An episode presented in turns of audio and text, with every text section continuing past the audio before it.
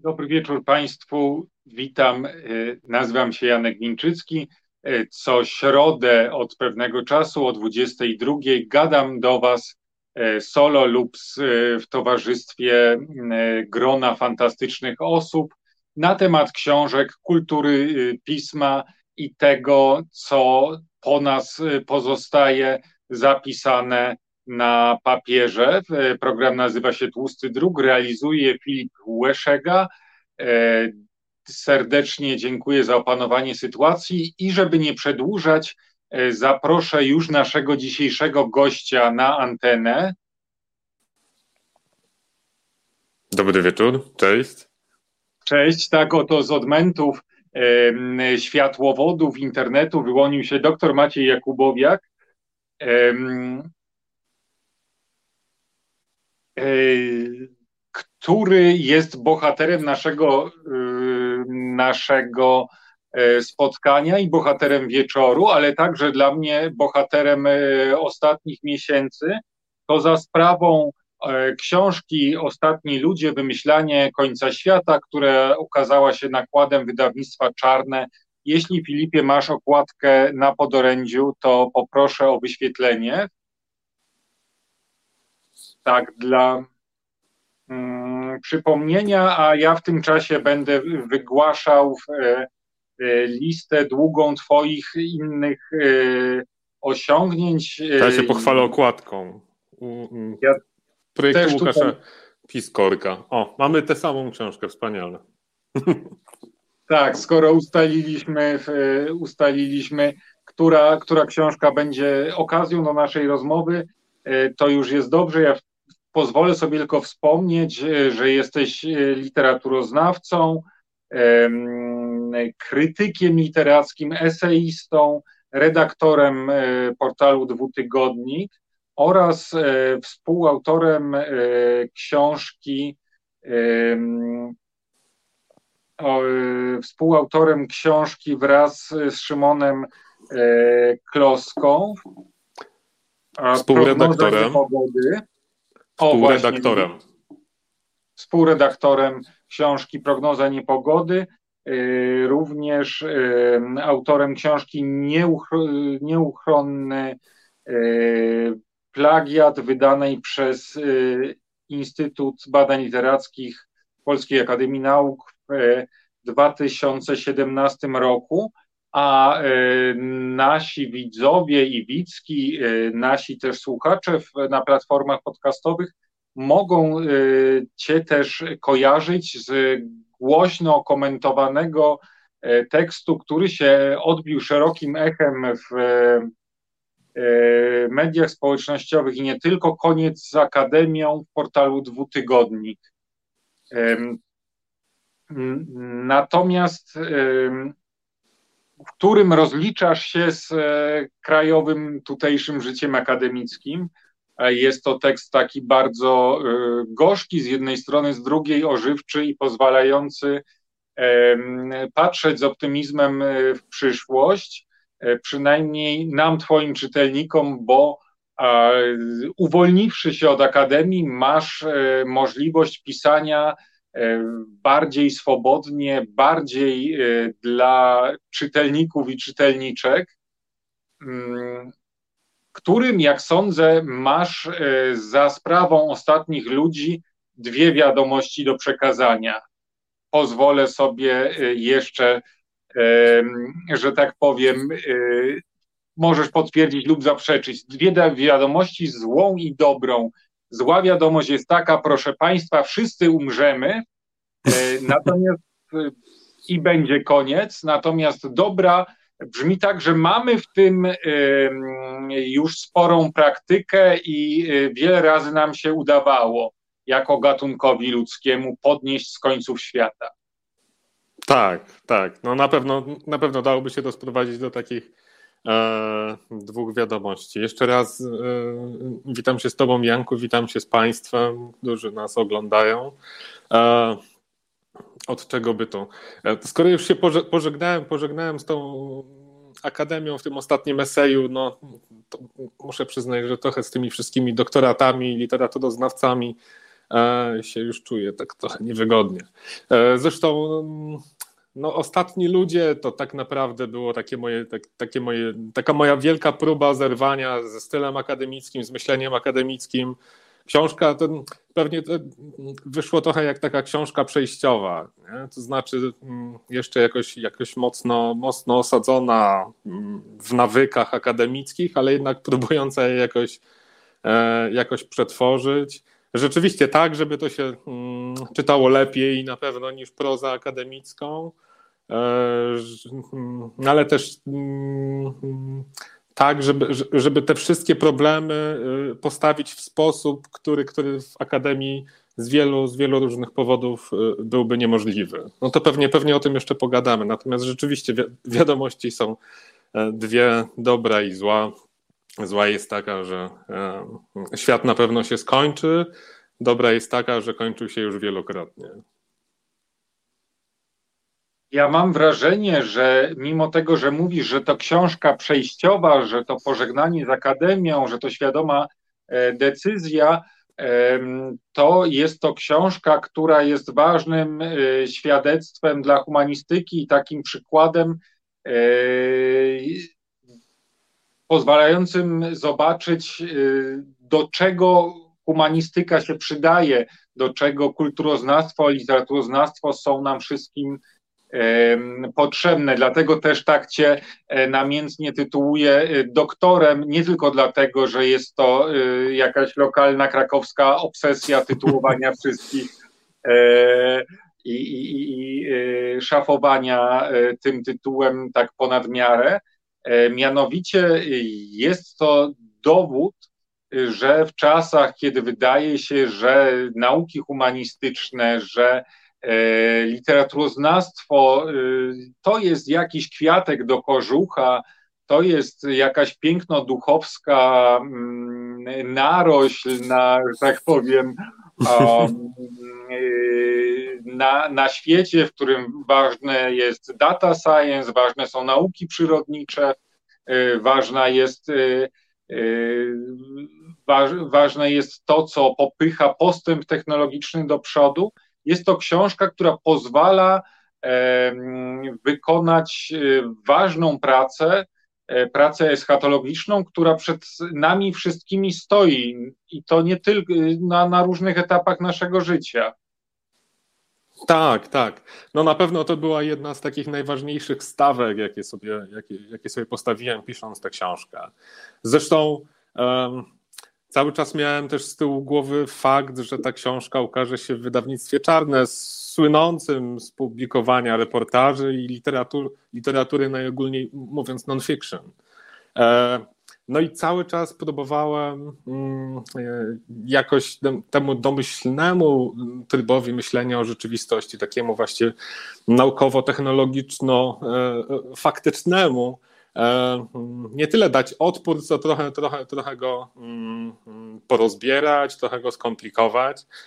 No, a mówiąc, a mówiąc, mówiąc jeszcze prościej, to jest książka o tym, w jaki sposób opowiadamy sobie o rzeczywistości, w jaki sposób e, układamy fakty w opowieści, e, które nie tylko mm, mają jakiś sens, ale poruszają nas, nas też emocjonalnie. E, no i to, jakie kształty przyjmą te opowieści, jest niebagatelne bo pewne schematy narracyjne, którymi, którymi dysponujemy i po które sięgamy po to, żeby sobie opowiedzieć E, różne rzeczy, decydują o tym właściwie, co mieści się w opowieści, a co się nie mieści, jakie skutki e, z tych opowieści wynikają, no i co będzie na początku tej opowieści, a co będzie na końcu. E, no i no jeżeli to jest książka o końcu świata, to to jest przede wszystkim książka o końcu świata właśnie jako tego rodzaju porządkującej opowieści o apokalipsie jako takim prostym schemacie narracyjnym, bardzo prostym. Nie? Coś ma początek, coś ma koniec, coś tam dzieje się po, po drodze, ale to jest najmniej ważne. E, no więc to jest, to jest taki schemat narracyjny, po który bardzo chętnie, bardzo często w różnych kontekstach sięgamy. No i on przynosi najróżniejsze konsekwencje, e, o których często, często zapominamy. Więc, więc, więc pod tym względem to jest na pewno mm, książka, jak też w jednym miejscu piszę, o zupełnie niepoważnych sprawach. no mówiąc, mówiąc jeszcze inaczej, opowieści o końcu świata zwykle traktujemy mocno z przymrużeniem oka. E, zwykle poważni ludzie, naukowcy, y, politycy twierdzą, że to jest domena histerii, to jest domena e, chorej e, czy wybujałej wyobraźni. E, tymczasem to jest nasz sposób układania sobie rzeczywistości, porządkowania tego, tego, co wiemy, ale też komunikowania tego, co wiemy. No i nie jest przypadkiem, że współcześnie po opowieści o końcu świata sięgają nie tylko uliczni prorocy apokalipsy, ale też politycy, naukowcy, aktywiści. Te wszystkie kwestie, mam nadzieję, zdążymy tak przynajmniej e, mm, e, zasugerować, trochę, trochę poroztrząsać, ale też bardzo ważny jest ten e, element definicyjny, który pozwala nam zrozumieć to, czym jest koniec y, świata i, y, i że nie jest tylko w tym y, znaczeniu prosto religijnym czy mm, egzystencjalnym jakimś kresem, który nas przeraża, ale też w pewien sposób pociąga, ale jest też jakąś, tak jak wspominałeś, kategorią, która porządkuje nasze życie i, i pozwala zadać sobie pytanie o jego najgłębszy sens. Zresztą jest w tej książce bardzo, bardzo bogatej w konteksty nawiązania, e, jest fragment, w którym tłumaczysz e, pierwotne znaczenie terminu apokalipsa. Tak, zresztą mm, no, no, apokalipsa to jest po prostu objawienie. E, mm, Chociaż co ciekawe, grecki, grecki źródło słów, greckie znaczenia tego słowa pierwotnie wiązały się e, mm, z odsłonięciem nagości, ze zdjęciem szaty, z rozebraniem się, nie? z stanięciem, e, stanięciem w prawdzie. Nie? E, żartuję sobie w książce, że, że gdyby apokalipsa, ta, która kończy Nowy Testament, powstawała dzisiaj, mm, to pewnie zaczynałaby się słowami E, takimi, które kojarzymy, no nie wiem, na przykład z Mariuszem Maxem Kolonką. Powiem wam, jak jest. E, I to jest, to jest, to jest tego rodzaju myślenie. E, ale od, od samej apokalipsy wolę, wolę to takie bardziej potoczne określenie koniec świata, ponieważ ono fajnie wchłania też różne inne terminy i różne inne znaczenia. Bo to jest apokalipsa, ale to jest też eschaton, jest schatologia, czyli to wszystko, co się łączy ze sprawami ostatecznymi, z końcem, ze śmiercią ale to też jest rewolucja, bo e, no to, to, to też jest jeden z ważnych wątków tej książki, że e, dla wielu różnych grup ludzi pewne zmiany w świecie, które, które dla innych będą oczekiwane, pożądane, dla tych pierwszych będą, będą po prostu końcem. Nie? Końcem, końcem jakiegoś zestawu wartości, więc końcem świata. E, no i no, no jest tam tych, tych, tych znaczeń mnóstwo, a co najważniejsze, one, one się tam tak międlą i, i, i mieszają i, i, wcale nie próbują być precyzyjne i, nie dążą do takiej na, naukowej ścisłości. No i też dlatego ta książka nie jest akademicka, że ona wcale nie próbuje być ścisła y, i próbuje raczej, raczej zanurzyć się w ten w taki wieloznaczny żywioł i, i sprawdzić, co wynika z takiego, y, co wynika z takiego zanurzenia. Natomiast wspomniałeś, wspomniałeś jeszcze o tym, że to jest, że to jest opowieść religijna. I to też jest ciekawa historia, że w gruncie rzeczy ta taka no, ściśle religijna historyjka o stworzeniu i, i, i końcu świata, e, że ona mm, w nowoczesności, najogólniej mówiąc we współczesności, e, funkcjonuje mm, w takich zupełnie zeświadczonych formach. E, ale, ale w gruncie rzeczy, jako sam ten schemat narracyjny, niesie ze sobą te wszystkie religijne, religijne konteksty jest też przywo, oprócz tego, że, że no, trochę już istniejemy w świecie postsekularnym, to jest też przywoływana w sytuacjach nawet e, codziennych. Tam jest taki sympatyczny przykład, kiedy matka, widząc, że syn wstał w sobotę wcześniej niż tam przed południem, woła koniec świata. To jest taki y, bardzo, bardzo dobitny przykład, że te końce świata następują co chwilę, co i róż. że świat się zmienia co chwilę.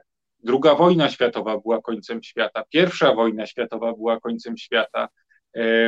Dwie rosyjskie rewolucje też jakoś świat kończyły on trwał dalej w zupełnie e, in, no, z istotnym przesunięciem akcentu. Tak, tak. No to, to, to niewątpliwie jest też opowieść po prostu, no tak jak wspominałem o rewolucji, o radykalnej zmianie. E, to, co jest mm, ciekawe w tych e, wszystkich powracających Mm, zanim to, e, bo wymieniałeś rewolucję, ale trzeba, trzeba się cofnąć do tej, do tej źródłowej dla nowoczesności, czyli rewolucji francuskiej. Mm, ta moja książka pożycza sobie tytuł od powieści Mary Shelley, autorki Frankensteina, z jej takiej mniej znanej powieści Ostatni Człowiek. I to też jest ciekawa historia, bo takich opowieści o ostatnich ludziach w literaturze e, angielskiej początku XIX wieku e, powstawało mnóstwo. Do tego stopnia, że kiedy Shelley w, 24, w 1824 roku opublikowała tę swoją wielką powieść, no to uznano, że to już jest e, kompletny plagiat, czy epigoństwo, że w ogóle temat, temat jest, się przeżył. To trochę tak, jakby ktoś, nie wiem, za za trzy lata wypuścił e, w Polsce nostalgiczną powieść o latach 90. No to trochę, trochę by się spóźnił. Nie? E, natomiast ta fala, ona ma bardzo proste wyjaśnienie, to znaczy dla Brytyjczyków to, co się działo po drugiej stronie kanału La Manche, było, było, było po prostu końcem świata, więc w literaturze próbowali sobie opowiedzieć na różne sposoby o konsekwencjach tego wszystkiego, co tam e, w rewolucyjnej Francji się, mm, mm, co się tam, coś tam wydarzyło chyba to w ogóle jest ich y, specjalność, bo jak popatrzeć, to y, maltuzjanizm wziął się z Anglii. Tak.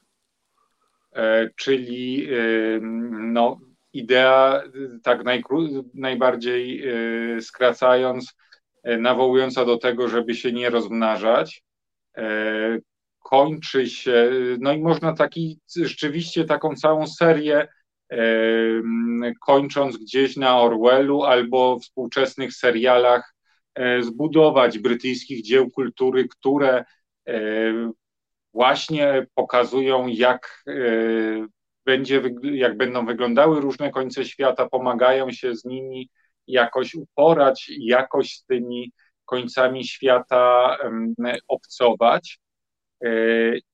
Co warto powiedzieć czytelnikom, to nie jest tylko esej literaturoznawczy i kulturoznawczy, ty masz tutaj cały szereg tekstów kultury i elementów życia publicznego, pojawiają się też filmy i to niekoniecznie jest Doktor Strangelove, ale też jakieś takie fan, fantastyczno-naukowe e, produkcyjniaki, e, które, które blockbustery z lat 90. E, są to też gry wideo i to niekoniecznie te będące superprodukcjami, ale na przykład e, gra Missile Command. Tak, tak. No, z tego, z tego Masaju Komanda to tam w zasadzie wyciągnąłem tylko e, jeden, jeden żart twórców. No to jest taka, taka gierka, w którą, w którą mm, która dobrze odzwierciedlała chyba ducha zimnej wojny, i, i lęków przed konfrontacją atomową. No i to była gierka, e, która, która w przewrotny sposób pokazywała też, e, na czym, na czym polega doktryna zimnowojenna i to po obu stronach, po stronie amerykańskiej i po stronie radzieckiej. Mianowicie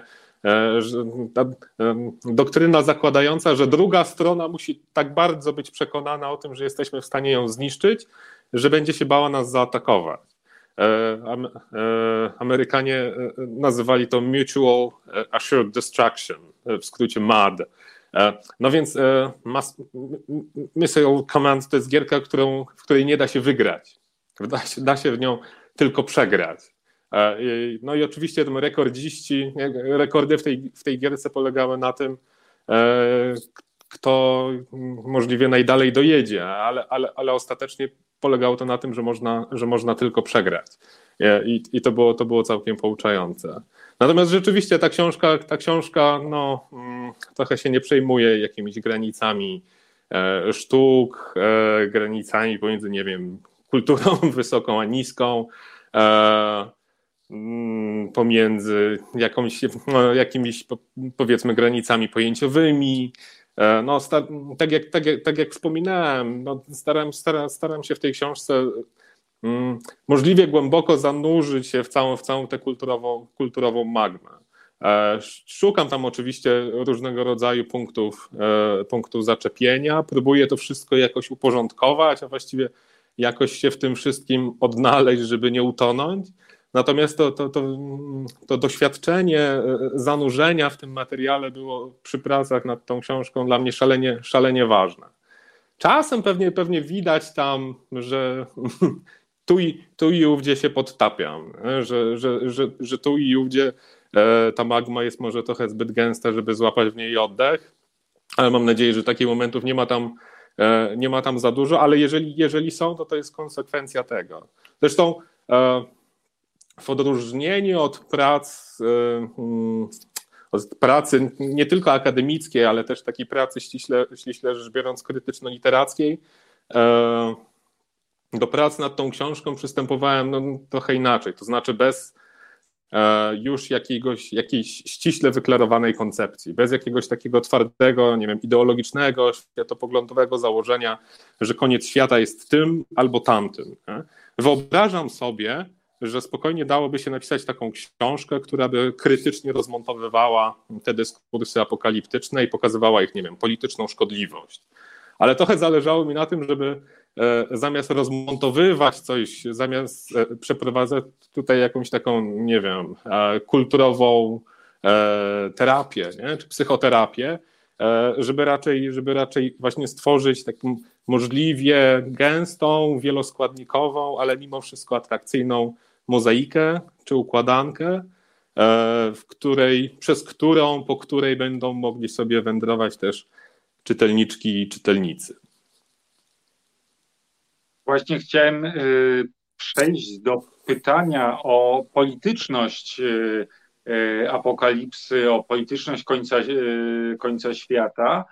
Natomiast pozwolę sobie podziękować za to, że nadałeś filozoficzny sens graniu w te w Missile Command, bo zawsze tłukąc w te i podobne gry, mam takie poczucie, że, że tracę życie, że umy, umyka mi przez palce. Nie wiedziałem, że biorę udział właśnie w jakiejś, w jakiej, pewnego rodzaju rytuale związanym z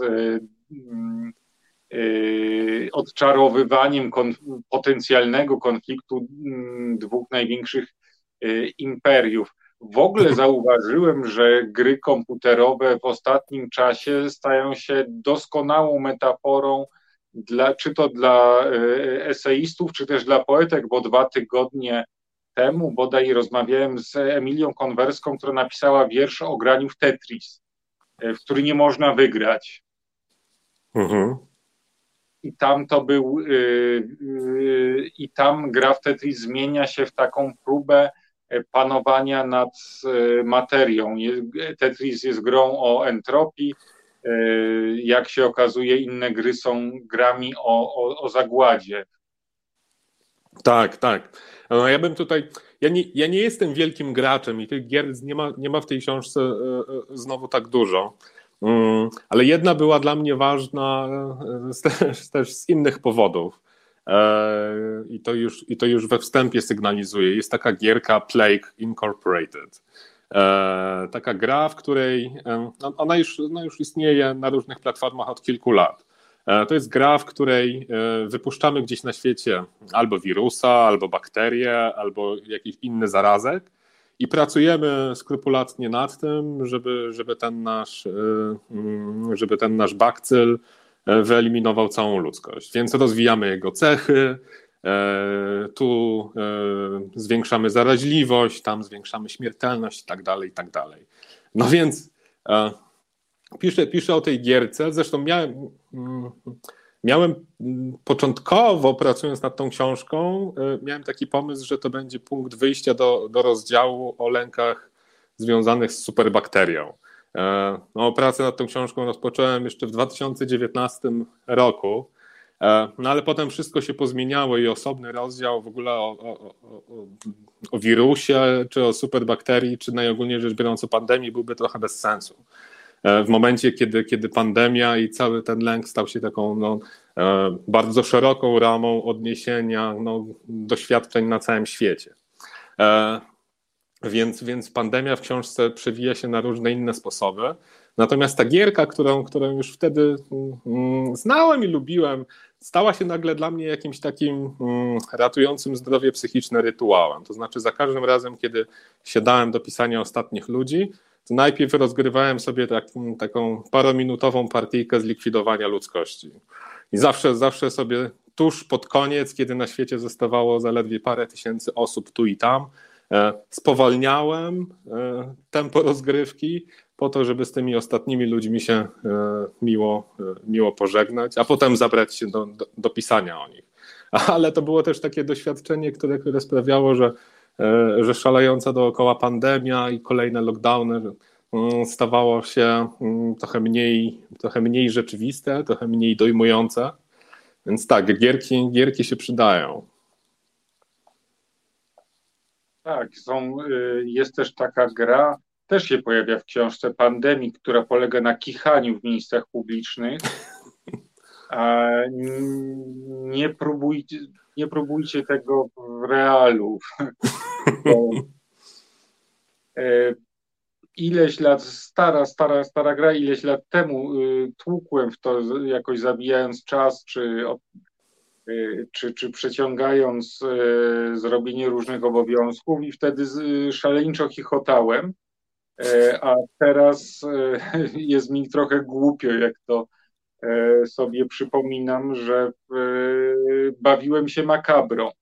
Ale chyba wszyscy mamy wrażenie, że ktoś przesadził z, z tą grą w skali globalnej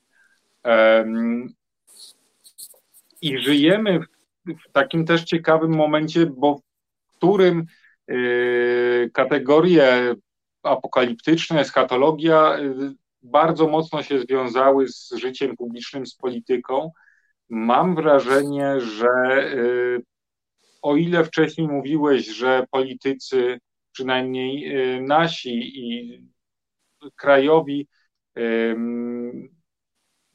dosyć lekceważąco odnoszą się do, do tych e, zagrożeń, które kojarzą nam się z końcem świata, które mogą ten nasz świat już e, niebawem, jak dowodzi Marie Shelley, w połowie wieku zamknąć i zakończyć to tyle mam wrażenie, że te kategorie apokaliptyczne teraz ściśle weszły do, do języka politycznego.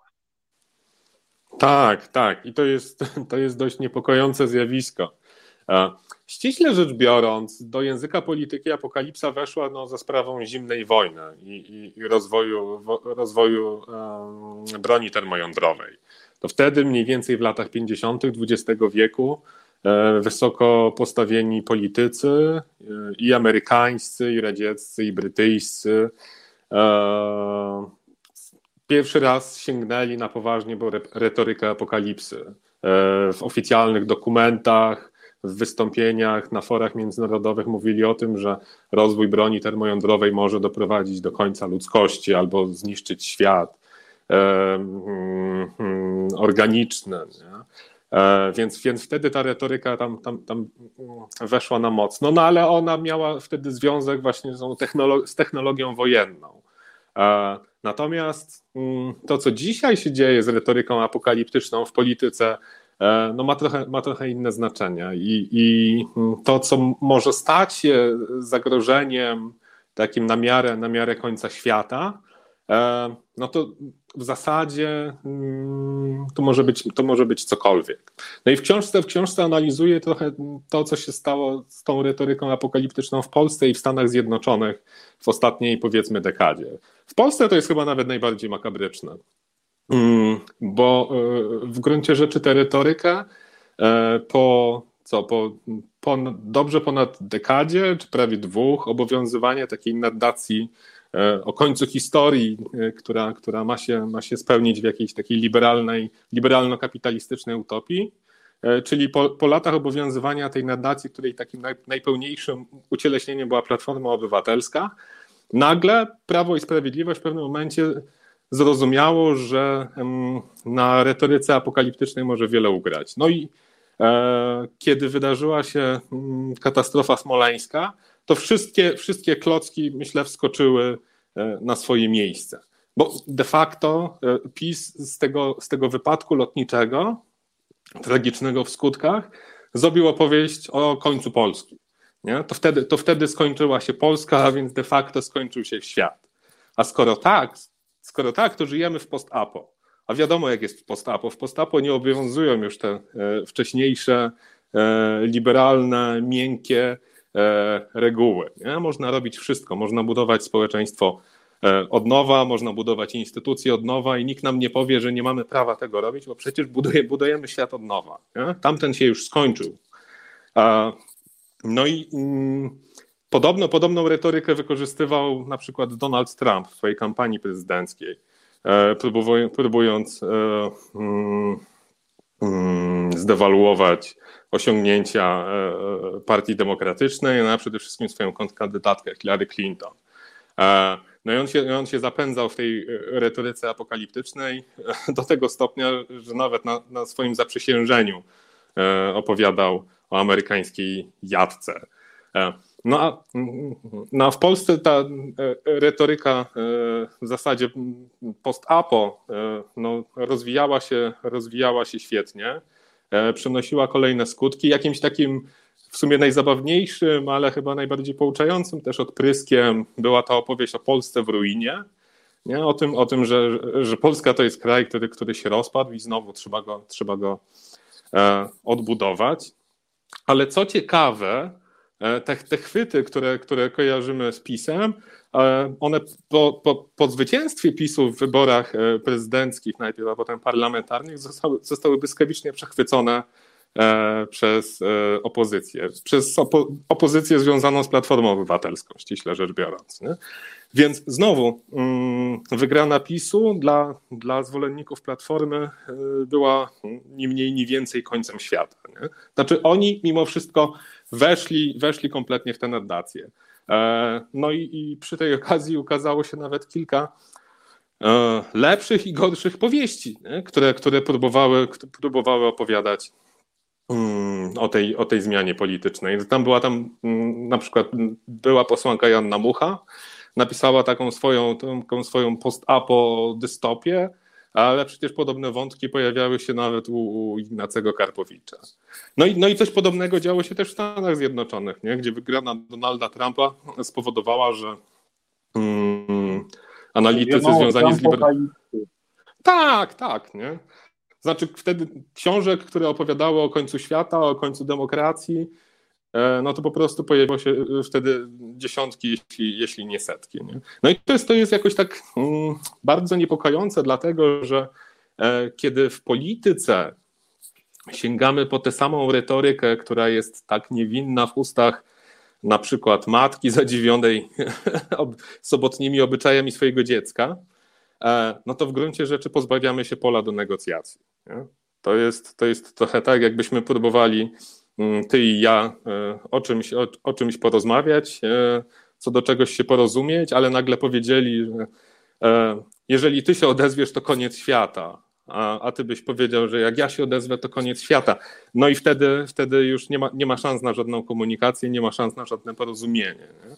No i więc, no więc wydaje się, że w polityce, w polityce to jest symptom takiego bardzo hmm, mocnego zawężenia wyobraźni jeżeli świat nam się kończy dlatego, że jakaś partia polityczna wygrywa wybory, to znaczy, że ten nasz świat był bardzo wąski. Nie? Ale tak samo mm, mm, jest y, z różnymi na przykład y, nacjonalistycznymi wyobrażeniami. Jeżeli świat ma nam się skończyć, ponieważ kilkuset, kilka tysięcy y, uchodźców bądź migrantów złoży w Polsce wnioski o azyl, no to ten świat jest bardzo mały, bardzo kruchy, bardzo niestabilny. Nie? No i, no i dlatego moim zdaniem tak ważna jest tutaj e, nie tylko analiza tego, co sobie wyobrażamy, ale też praca, praca nad tą wyobraźnią. Ale też e, mam wrażenie, że jeśli coś e, może połączyć społeczeństwa tak bardzo po, po, pokawałkowane, poszatkowane, podzielone na wrogie obozy, to może właśnie ten lęk i niepokój tym, że świat się może skończyć. W każdej z opcji kończy się na inny sposób, bo o liberałach wspomniałeś, którym skończył się napęd ideologiczny, no i e, zatriumfował, e, zatriumfowało grupowanie wyrażające to wszystko, czego oni nie znoszą. E, partia rządząca, no, kojarzona z, z, z prawicą twardą, bardzo chętnie operuje tym językiem ale też szerzej formacje intelektualne, jakieś prawicowe, konserwatywne, bardzo chętnie posługują się nim choćby e, w powieściach science fiction, które mają być takimi filipikami przeciwko modernizacji, lewactwu, zjednoczonej Europie. Można e, takich opowiadań i powieści znaleźć całkiem sporo.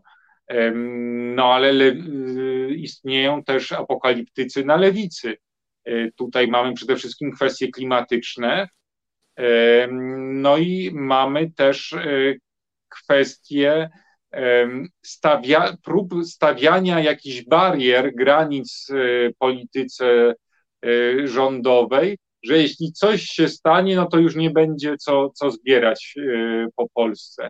Tymczasem tempo wydarzeń jest takie, że co tydzień dzieje się coś, co wydaje się być ostateczne to na przykład widać w liberalnych tygodnikach, że e, ogłasza się, e, wrzuca się meteoryt do ogrodu e, partii rządzącej, e, mówiąc, teraz to już się wywalą, na tym się już wywalą, nastąpi koniec, e, wszyscy się odwrócą, nastąpi koniec tej formacji konserwatywnej w Polsce. On nie następuje albo następuje powoli.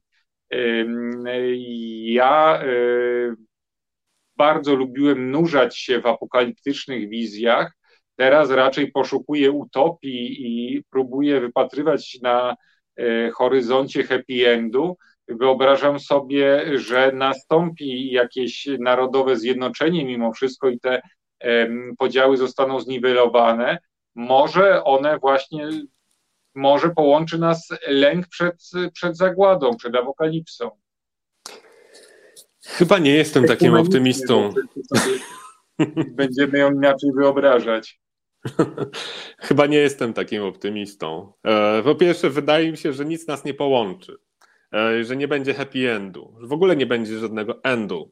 E, I że to jest, to jest jedno, mm, jedno z ograniczeń mm, tych historyjek o końcu świata, tych opowieści apokaliptycznych, które snujemy że one nie tylko mm, projektują, e, projektują nasze lęki, czy opowiadają o naszych lękach, ale one, one, one też zakładają pewien, pewien model przebiegu wydarzeń, e, model rzeczywistości, w którym wszystko zmierza do jakiegoś punktu.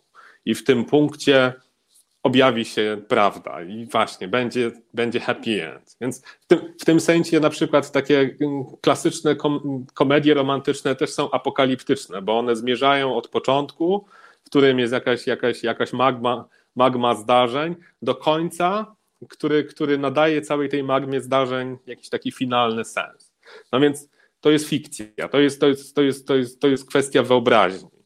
E, i oczywiście to jest taki schemat opowieści, który przydaje się do różnych rzeczy, pewnie tak, ale on, on średnio nadaje się na przykład do organizowania globalnej polityki, e, czy, czy choćby organizowania życia politycznego w niespełna 40-milionowym kraju. E, to znaczy, to jest, to jest to jest zbyt intensywna narracja, zbyt upraszczająca.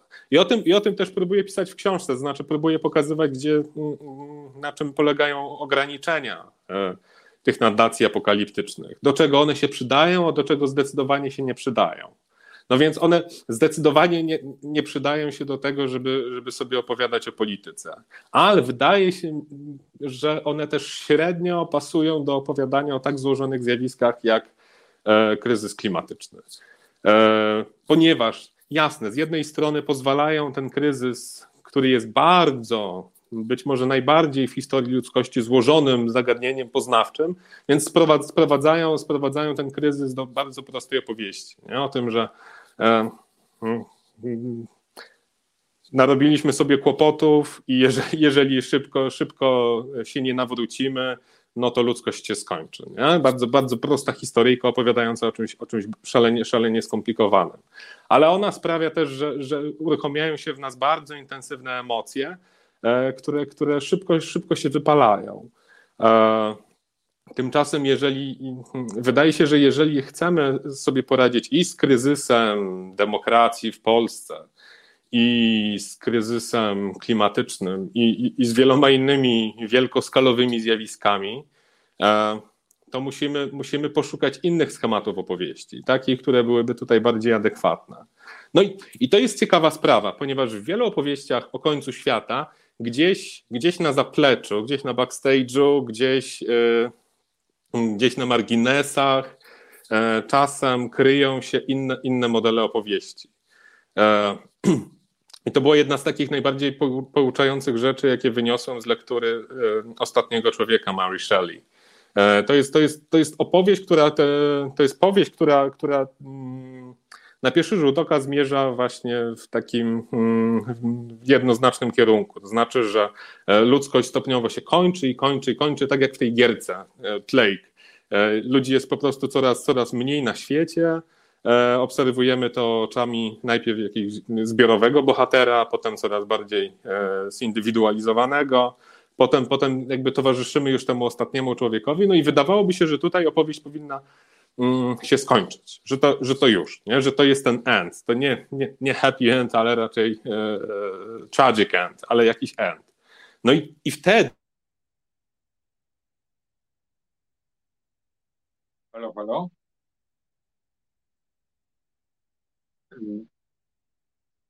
To jeszcze nie czas na koniec. Mam nadzieję, że Maciej nam tylko na chwilę e, zniknął. O, o już jesteś z powrotem. E, widzę cię, o, czy jestem. cię słyszymy? Okej. Okay. Mam nadzieję, że tak. się e, urwało.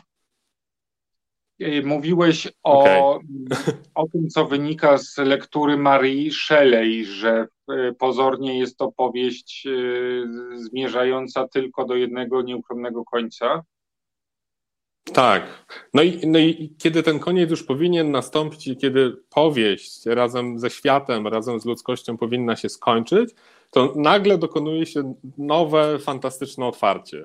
Bohater zdaje sobie sprawę, e, no dość, nie, dość nieoczekiwanie, e, że być może człowiek wcale nie jest najważniejszym gatunkiem na Ziemi i że świat o dziwo po końcu ludzkości może dalej istnieć i że w gruncie rzeczy człowiek stanowi element znacznie, znacznie większej wspólnoty e, i że zwierzęta inne niż ludzie mają swoje miejsce na świecie. I, i, I to jest taka opowieść, która nagle, nagle przerywa całą, całą, całą tę apokaliptyczną strukturę. E, wywraca ją i pokazuje, o co, o, co, o co tak naprawdę tu może chodzić. Że ratunek, ratunkiem przed e, końcem świata nie jest utopia, nie jest nowy, wspaniały świat, ale jest zupełnie inny świat. Nie taki, który ma początek i koniec, ale taki świat, który jest, tworzy E, złożoną, bardzo gęstą sieć współzależności. No i być może, być może to jest coś, czego, czego bardziej potrzebujemy. Skoro już o tym mówiliśmy we współczesnej Polsce. Nie? To znaczy nie, nie ustawianie tego konfliktu właśnie w takich kategoriach apokaliptycznych, nie? że albo my, albo wy, nie? bo inaczej koniec świata, albo że musimy dojść do jakiejś zgody narodowej. Może, może jakimś rozwiązaniem Mm, w takiej no, w sferze, w sferze wyobraźni, w sferze narracji, w sferze opowieści, jest pomyślenie o tym, że e, jesteśmy dość złożonym społeczeństwem o bardzo skomplikowanych historycznych zaszłościach. Musimy z tym jakoś żyć. Nie? Konflikty są tu nieuchronne, więc e, nie podkręcajmy tych konfliktów, nie róbmy, nie, róbmy, e, e nie grajmy tutaj o, o, o, o tak wysokie stawki jak koniec świata, E, tylko próbujmy, próbujmy żyć e, w tym zróżnicowaniu.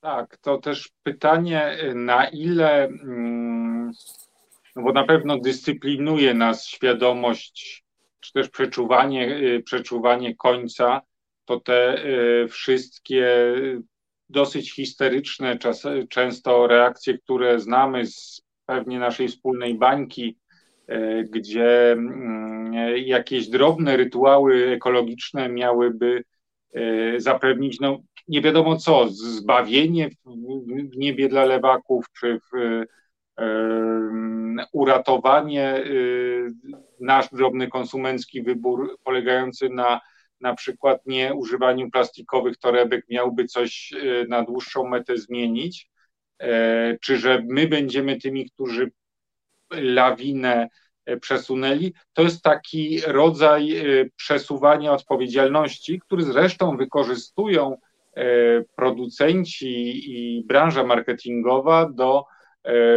przerzucania na nas, e, na nas pewnych odpowiedzialności i do takiego greenwashingu e, i tak dalej.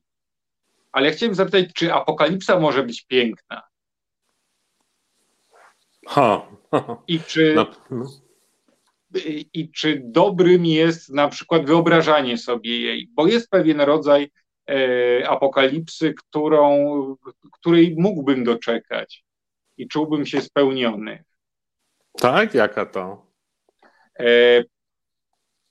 w odniesieniu do antropocenu w pierwszej części książki przywołujesz termin e, kapitalicen?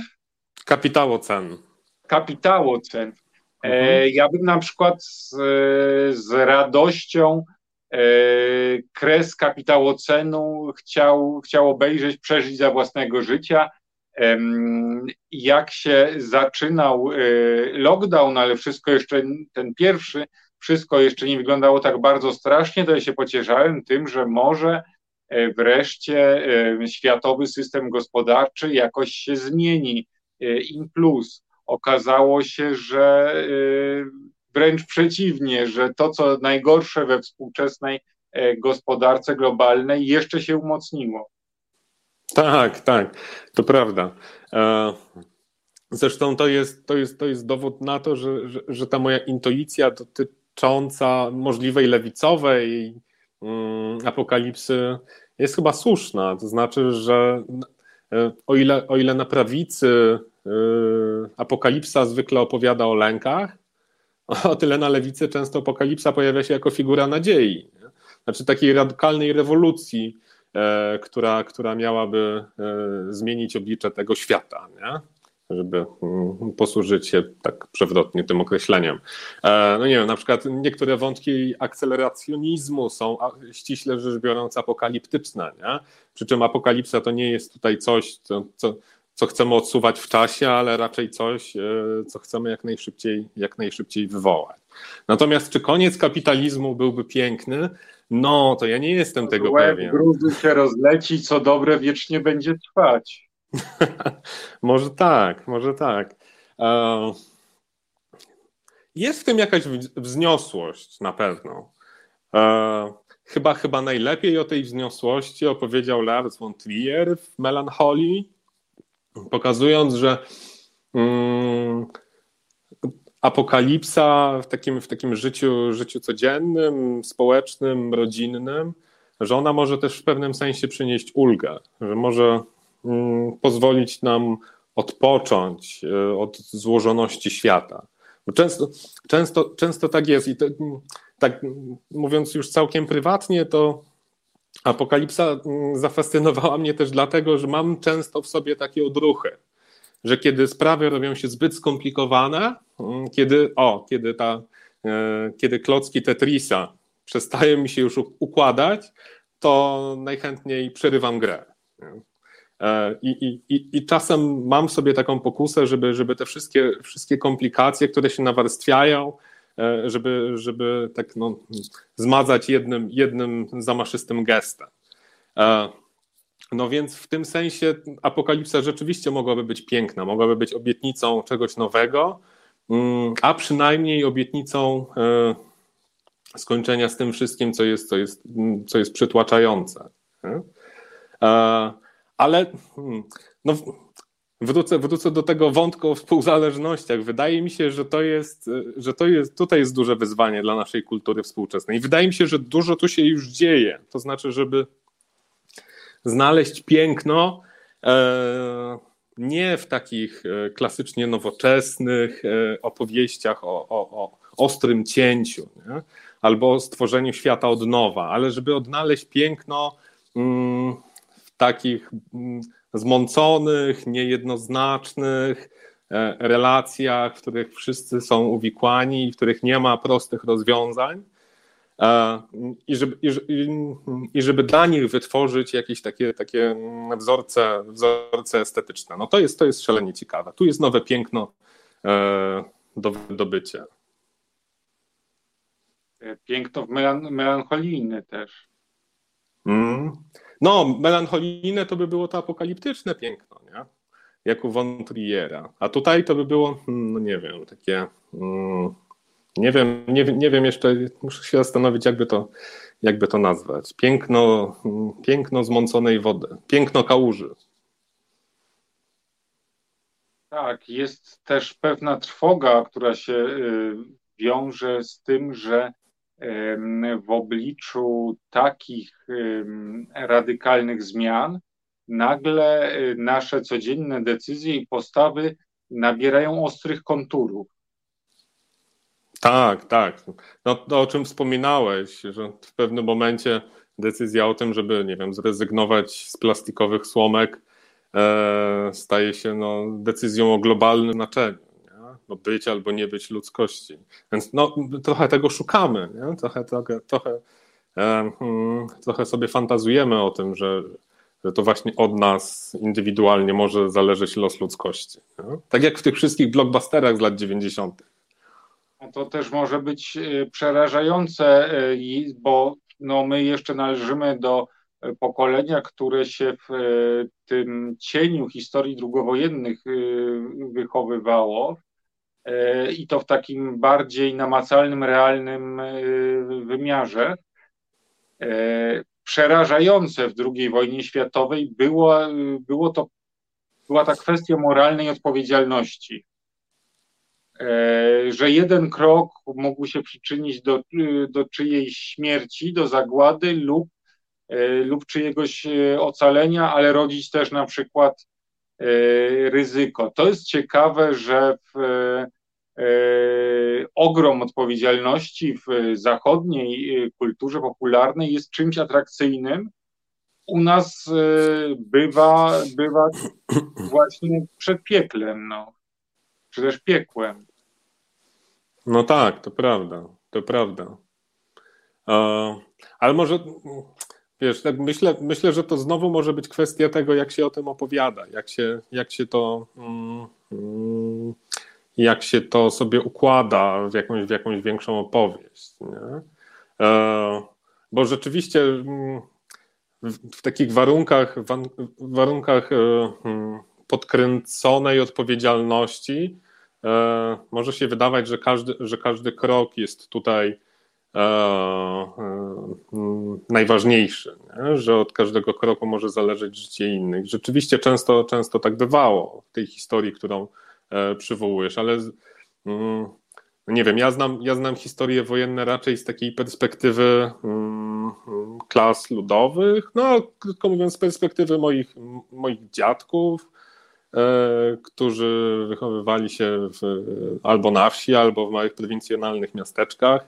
E, no i mm, te ich opowieści w gruncie rzeczy mówiło o takiej kompletnej pasywności, bezsilności. Nie? To znaczy o tym, że to był taki czas, E, kiedy nic od nich nie zależało. Nie? E, no więc e, hmm, wydaje mi się, że to jest też kwestia często perspektywy, z której się o tym opowiada. Natomiast no, rzeczywiście, rzeczywiście jest tak, że imperialny Zachód, nie? czyli po prostu wyobraźnia hollywoodzka uwielbia te momenty indywidualnej odpowiedzialności. Zresztą one mają, mają też kolosalne znaczenie dla myślenia o polityce kiedy, kiedy na poważnie się mówi o tym, że mm, jakimś rozwiązaniem kryzysu klimatycznego mogą być pomysły Jeffa Bezosa albo Ilona Maska o tym, żeby ewakuować się na Marsa albo wybudować wielkie maszyny do odsysania dwutlenku węgla z atmosfery, to to jest cały czas ta sama wyobraźnia, nie? ta sama wyobraźnia, która wysyłała Bruce'a Willisa w kosmos. Albo mówiąc jeszcze, jeszcze poważniej, kiedy, kiedy mm, na przykład po ostatnim raporcie IPCC o zmianach klimatycznych pojawiały się głosy, że teraz to już może nas uratować wyłącznie chiński autorytaryzm, bo tylko on jest w stanie szybko e, zmienić model energetyczny na świecie, no to znowu to jest ta sama wyobraźnia, nie? że potrzebujemy silnego lidera, nie? potrzebujemy szeryfa, który przyjdzie i nas uratuje. Nie? To jest bardzo niebezpieczne. Tak, niebezpieczne jest e, w ogóle e, postrzeganie rzeczywistości takimi e, radykalnymi kategoriami, które jest naturalne, jeśli się ma 16 albo 20 lat. Natomiast kiedy tą odpowiedzialność trzeba brać, przynajmniej za, za słowa, za jakieś takie drobiazgi, no to te, to ta taka zero-jedynkowa, zero-jedynkowe myślenie zdaje się kończyć. Ja się trochę zamyśliłem, jak teraz wspominałeś, bo się zastanawiałem, czy moja utopia byłaby apokalipsą na przykład e, posła Grzegorza Brauna e, i na odwrót, czy jego niebo byłoby e, naszym piekłem, przynajmniej, przynajmniej moim. Myślę, że też co, co wynika z lektury tej książki, przyglądanie się światu poprzez apokaliptyczne mm, okulary adwersarzy e, pozwala ich lepiej zrozumieć. To jest taki, to jest też taka trochę praca ku empatii. Tak, tak. To jest, to jest chyba najważniejsza też stawka tej książki. To znaczy, mm, poza, poza tym wszystkim, o czym mówiliśmy, poza pracą wyobraźni, poza jakąś taką atrakcyjną kiczowatością, E, tej historii, poza, poza tym wszystkim. E, to najważniejsze w tej książce było mm, dla mnie sprawdzenie, czego się dzisiaj właściwie boimy. Czego boimy się tak bardzo i na tak dużą skalę, że jesteśmy w stanie to utożsamić e, z tym, co nazywamy światem. Mm, no i nie ma tutaj oczywiście jakichś, jakichś bardzo zaskakujących diagnoz. Nie? Jest opowieść o kryzysie klimatycznym, E, jest to powieść o lękach technologicznych, jest to powieść o lękach demograficznych, no jest wreszcie opowieść o lękach mm, wojenno, wojenno-politycznych. E, ale one, one układają się w, w, całkiem, w całkiem nowe, nowe konstelacje. I wydaje mi się, że mm, jeżeli, e, jeżeli to wszystko, o czym wcześniej mówiliśmy, nie przekonało kogoś do tego, że warto się zainteresować apokalipsami, to ten jeden element powinien być kluczowy e, dla, dla wszystkich, którzy, którzy na poważnie myślą o życiu publicznym. To znaczy, mm, jeżeli ktoś mówi koniec świata, to wtedy nam się powinna zapalić lampka, że oho, właśnie tutaj dowiadujemy się czegoś fundamentalnego o tym, jaki światopogląd, nie? Jaki, jak, jakie wyobrażenie o świecie ma ta osoba, e, ma ta wspólnota, ma to społeczeństwo, ta grupa polityczna. E, no i, no i w tym sensie to jest, to jest taki, taki papierek, papierek lakmusowy naszych, e, naszych współczesnych lęków. Zbliżamy się do, do końca. E, ja na, ja na koniec chciałem Cię prosić o takie o taką short listę ulubionych, ulubionych wątków, ale y, podejrzewam, że jak racowy filolog nie odeślesz do, do bibliografii, która jest tutaj na, y, na końcu książki. Y, uważam, że mm, w ogóle wszystkie książki powinny posiadać bibliografię. I jest tutaj niesamowity przegląd rzeczy, z których, tak mi się wydaje, które mogą się nam przydać szczególnie w tym momencie, kiedy rozsądniej, mimo że nie y, pod przymusem jest y, spędzać więcej czasu w domu i w jakichś bezpiecznych przestrzeniach. Y, I jest tutaj wszystko od Biblii po, po memy. Po jej osobistej interpretacji, ciekawych zestawieniach i zachęcam wszystkich Państwa do lektury ostatnich ludzi Macieja Jakubowiaka. Mm, książka, która pomaga mm, przeżywać tą, te, te trudne, trudne miesiące. Pomaga y, sprawić, by znój w ogóle życia, być może w czasach ostatnich i przeżywania lęków, y, stał się bardziej barwny i, y, i, i, i ciekawy, no i też znośny. Przynajmniej tak było w moim wypadku. No, ogromnie bym się cieszył, gdyby ta książka miała takie efekty.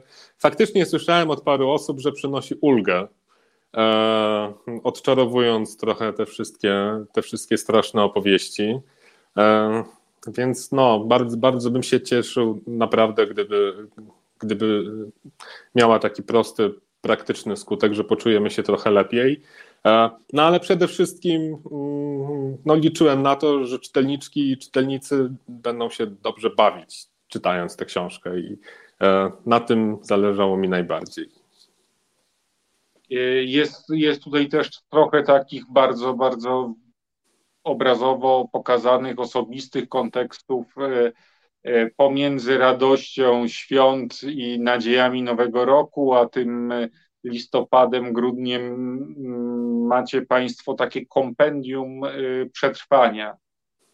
To ten pierwszy esej survivalowy, który miałem okazję przeczytać w życiu. Wspaniale. Bardzo, bardzo Ci, Janku, dziękuję. A ja dziękuję, że znalazłeś czas w środę o tej późnej porze. Dziękuję też Państwu za to, że z nami jesteście i nas oglądacie. Do zobaczenia za tydzień, kiedy spotka się z Wami e, Alicja Beryt. Pamiętajcie, żeby wspierać Reset Obywatelski. Do zobaczenia.